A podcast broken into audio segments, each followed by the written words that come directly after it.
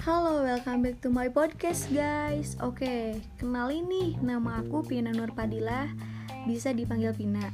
Dari TIF RP20C Oke, karena ini suatu tugas mata kuliah Jadi kita langsung aja ke pembahasannya ya.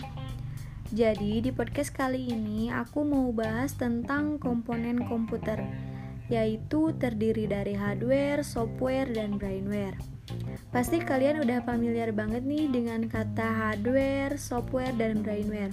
Apalagi kalian anak TKJ atau kalian anak teknik, pasti udah hafal banget.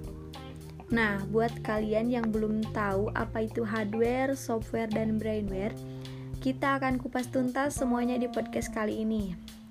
Oke, di sini aku mau bahas pembahasan yang pertama, yaitu hardware. Apa sih hardware itu? Nah, hardware itu atau yang lebih dikenal dengan sebutan perangkat keras adalah semua jenis komponen yang ada pada komputer yang mana bagian fisiknya dapat terlihat secara kasat mata atau dapat dirasakan secara langsung. Lalu apa aja sih yang termasuk ke dalam hardware?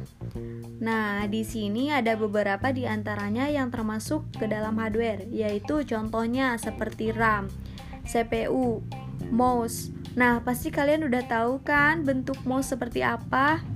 Yang bulat agak lonjong dan bisa diklik kanan klik kiri. Nah, itu yang namanya mouse. Terus ada keyboard, ada scanner, monitor, printer, dan masih banyak lagi.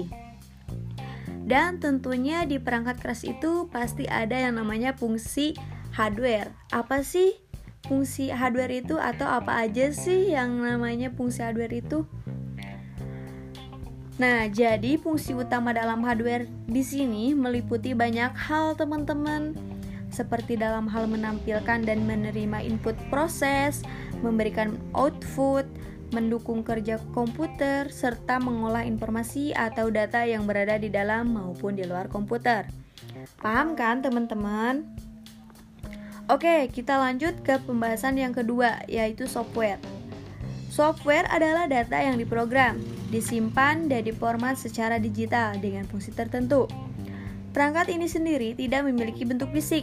Kalian bisa mengoperasikannya lewat perangkat komputer. Kemudian, software yang ada pada perangkat keras tersebut merupakan nyawa dari komputer itu sendiri. Nah, dengan begitu, tanpa kalian menginstal sistem operasi tersebut, komputer kalian tidak bisa dijalankan, teman-teman. Nah, begitu juga dengan software. Pasti ada yang namanya fungsi software. Yang pertama, yaitu sebagai dasar kebutuhan komputer agar dapat dioperasikan dengan baik. Yang kedua, dapat digunakan sebagai penghubung antara beberapa software yang lain dengan hardware yang komputer, dengan hardware komputer maksud saya. Yang ketiga, mengatur hardware yang ada pada komputer. Yang keempat, sebagai penerjemah perintah pada software lain yang ada dalam bahasa mesin.